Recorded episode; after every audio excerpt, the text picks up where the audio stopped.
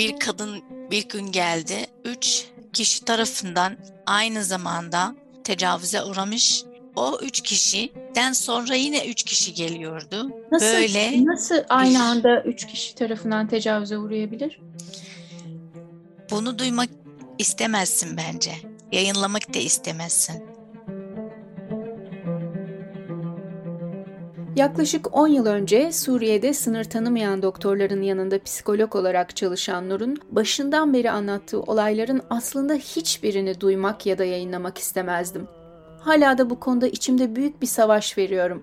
Burnumuzun dibinde bir başka korkunç savaşın başladığı bir dönemde, savaşın bunca yıl sonra hala sürdüğü Suriye'de olanları konuşmak hiç kolay değil.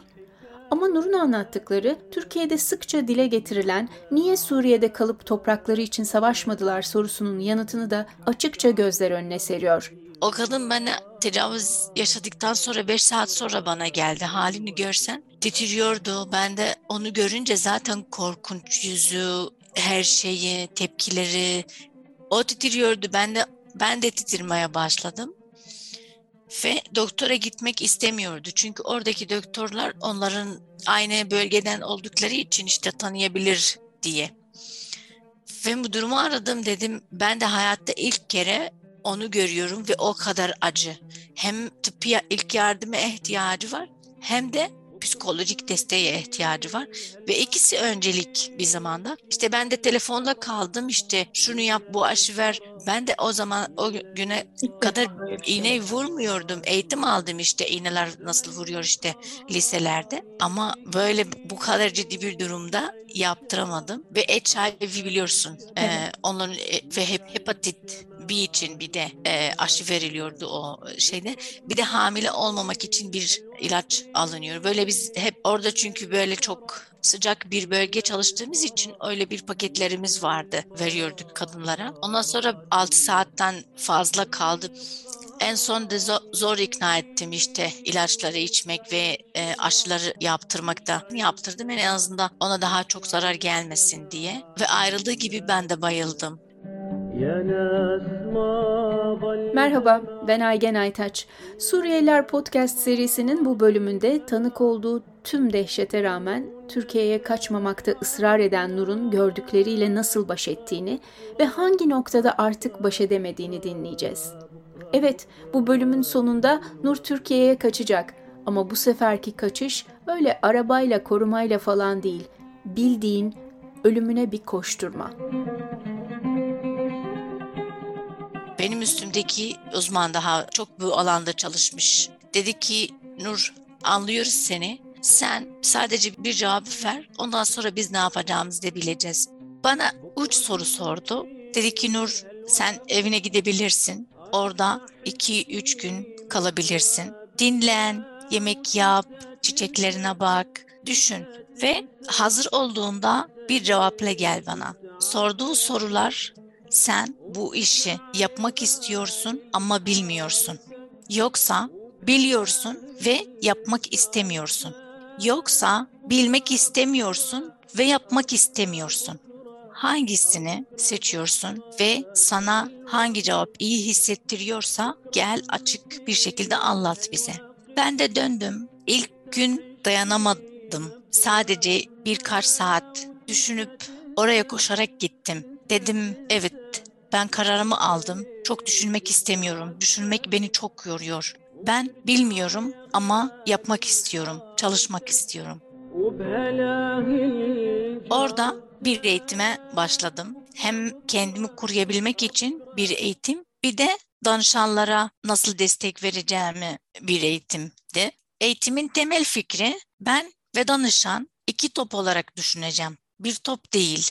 Onu böyle iki yumruk gibi düşünebilirsin. O yumruklar iç içe geldiğinde birleşip kayboluyor. Dışarıdan baksan hangi parmak hangi parmağın yanına neyin içinde olduğunu bilemezsin. Ama o iki yumruk yan yana dursan sen ayrı bir insan olacağın farkında olacaksın.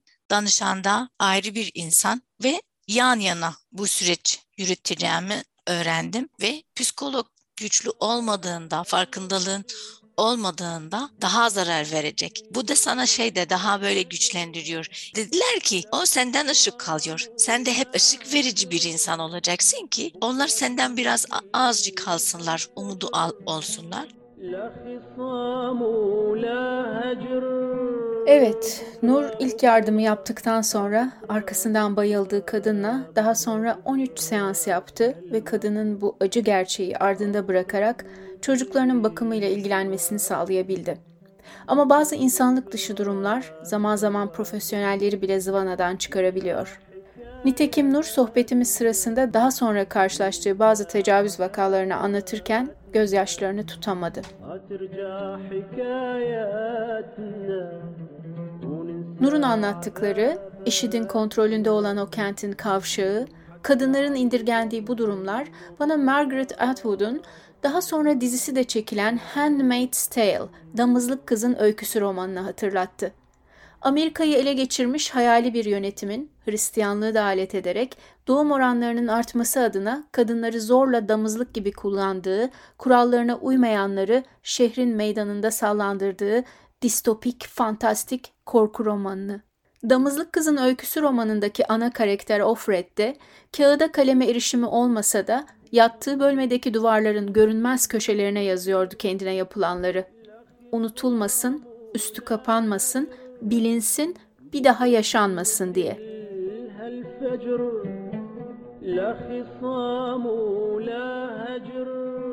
Sen diyorsun ya romanlarda okudum, dizi izledim. Ama onlar o romanların fikri nereden geliyor? Gerçeklerden geliyor gerçekten. Hayallerden değil.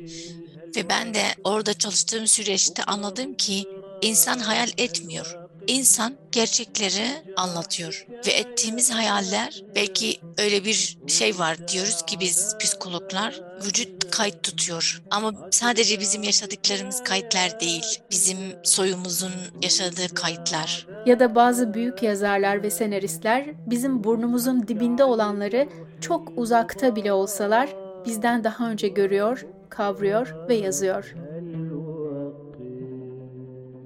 Orada gelenler sadece kadınlar değil, erkek tecavüze uğramış erkekler de vardı.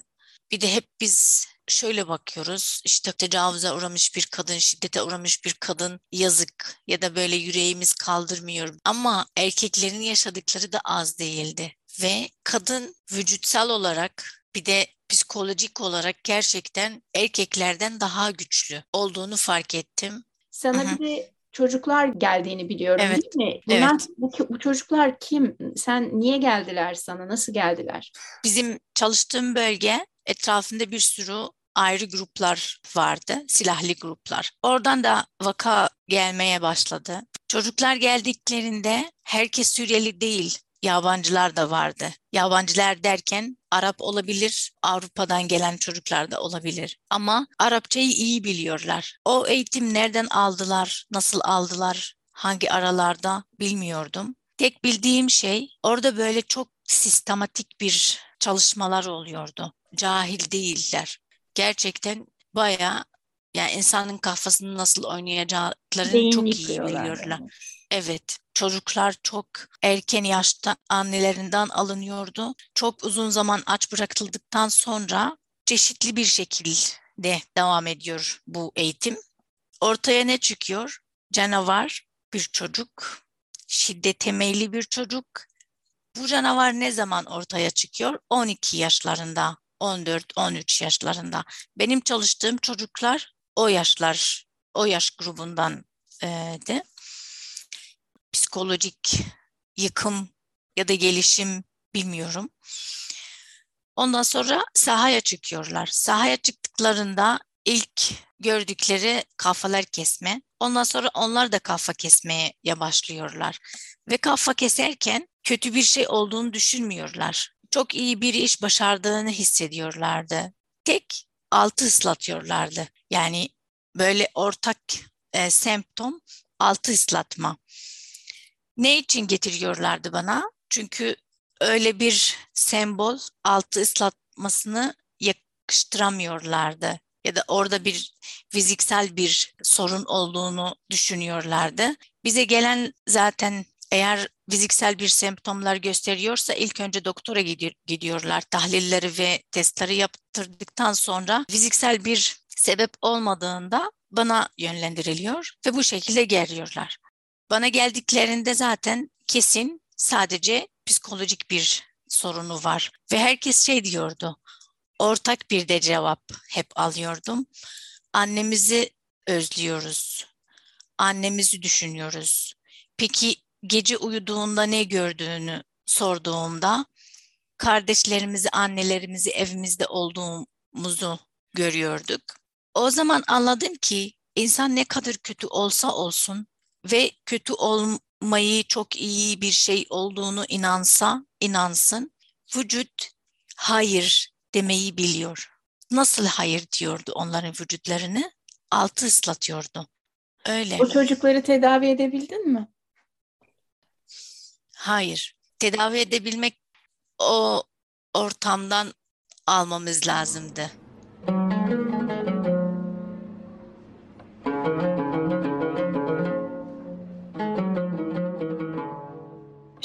Ben seninle en çok konuşmak istediğim konuya gelmek istiyorum bir an önce. Biliyorum Suriye'den bir türlü çıkamadık ama senin Türkiye'ye gidişin ve oradaki ön yargılar. Orada Türk toplumunun sana, çevrendeki Suriyelilere ön yargıları, senin Türk toplumuna olan ön yargıların, kaç yıldır buradasın, Türkiye'desin, geçen süre içinde 10 yılı aşkın geçen süre içinde sence bu ön yargılar değişti mi? Değiştiyse nasıl değişti karşılıklı olarak? Evet. Hızlıca sen İlk... şeyden anlatırsan neden Türkiye'ye kaçmak, ne şartlarda kaçtınız onu hızlıca geçelim ve gelelim.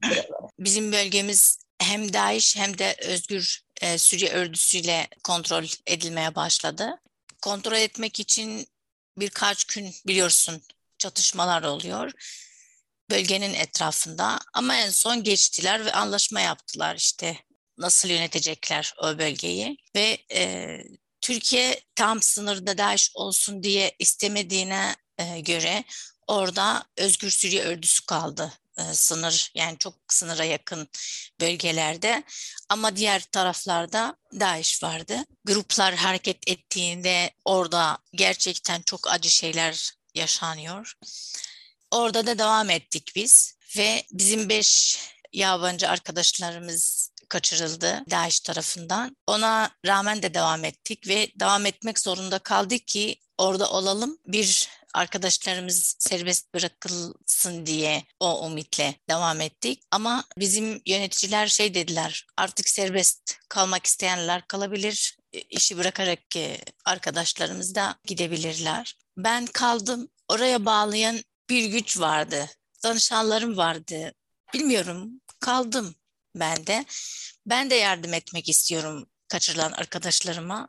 DAEŞ'in kontrolü altında olmak çok zordu. Yani ben işten eve gittiğim, gittiğimde dövülüyordum o DAEŞ'in kadınların tarafından. Orada böyle kurallar koruyabilmek için ya da e, uygulayabilmek için bir sürü suçlarımız vardı mesela. Ayakkabının rengi ya da baş örtüsünün düzeni ve her gün yeni bir kurallar oluyordu. İşe gittiğimde böyle kapıda yazılı kurallar var işte şu olur bu olmaz bu şekilde ve hepsini hemen biz uygulamaya başlıyoruz e, zaten. Ona rağmen devam ettim ve devam etmek istedim gerçekten. Ve DAEŞ kontrol etti deyişiyle bir iş arkadaşım bana dedi ki hadi geldiler.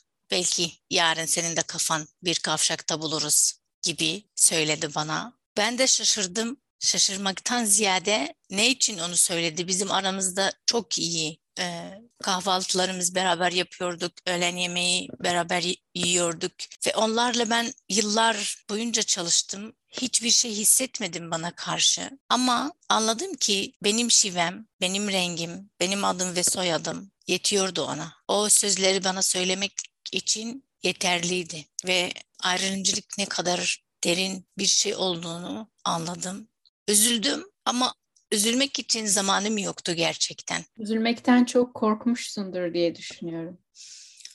Olabilir ama ben o zamanlarda korkuyu geçmiştim gerçekten. Korku artık benim için hissedebilen bir duygu değildi. Çünkü şey söylüyordum kendime artık benim seçmediğime göre ne olacaksa olacak. Ben de kabullendim artık yani bir gün gelip belki kafam orada da olabilir. Çalışmaya devam ettik. En son e, PKK bizim bölgemize kontrol etmeye çalıştı ve orada üç grup çatışmaya başladı gecede. Haberler yok, iletişim de yok. Sabah nasıl kalktığında böyle hayatını devam ediyorsun. Ben de kalktım baktım evet bombalar atılıyor. Böyle tuhaflık var bölgenin içinde. Yine işe gidiyordum ama oturduğum bölge böyle bomboş gibi oldu. İşe gittiğimde baktım bizim kliniğimiz bombalanmış ve hiç kimse yoktu. Oradaki e, yerel halk, halklar zaten birbirinden cevap alıyor ya. E, herkes gece içinde köylere kaçtılar ve çok az insanlar kaldı. Ben de nereye kaçacağımı da bilmiyordum. İçeriye girsem hangi köye gideceğim, kime gideceğim ve o arkadaşım bana senin kafanda o kavşaklarının etrafında olacağını umuyorum dediğinde herkese karşı güvenim sarsıldı. Gittim artık herkes içeriye koşuyordu. Yani çok az insanlar vardı ama yönleri farklıydı. Benim yönüm sınıra doğru e, oldu. Sınıra doğru koşmaya başladım. Sınırda dedim ya Özgür Suriye Ördü e, elemanları vardı. İlk elemanı bulduğumda dedim ki kardeşim benim durumum böyle burada çalışıyorum akrabam yok gideceğim bir yer yok dedi ki kapılar kapandı çoktan olmaz geçemezsin. Bir de çatışma esnasında geçemezsin olmaz. Dedim ki o zaman kimliğimi al. Bu da kardeşimin numarası ve vur beni. Hayır dedi. Vurmaktan ziyade dedi ki ben de bir ölümün projesiyim. Ben ölsem senin kimliğini ve verdiğin numara kime vereceğim? Verecek hiç kimse yoktu. En son dedi ki geç o zaman. Koşmaya devam et. Koşmaya da devam ettim.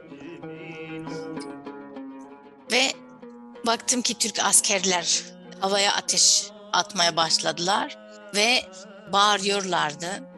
Anlamıyordum zaten ne dediklerini. Arkamda o kişi dedi ki kardeşim üzerindeki kıyafetler çıkar seni bombalı bir kadın zannetmesinler. Onun için ateş atıyorlar yoksa atmazlar. Durdum o da beni izliyordu ya. Durdum e, kıyafetlerimi çıkaracağım hayır dedi. Koşarak çıkar durma git. Çıkardım sınıra vardığımda zaten ilk gidişim gibi değildi. Sadece kıyafetlerimle gidiyordum dedim. Sadece kıyafetlerime kaçtım Türkiye'ye dedim de orada kıyafetlerim bile yoktu. Ve aldılar beni içeriye. Türkiye'ye vardım.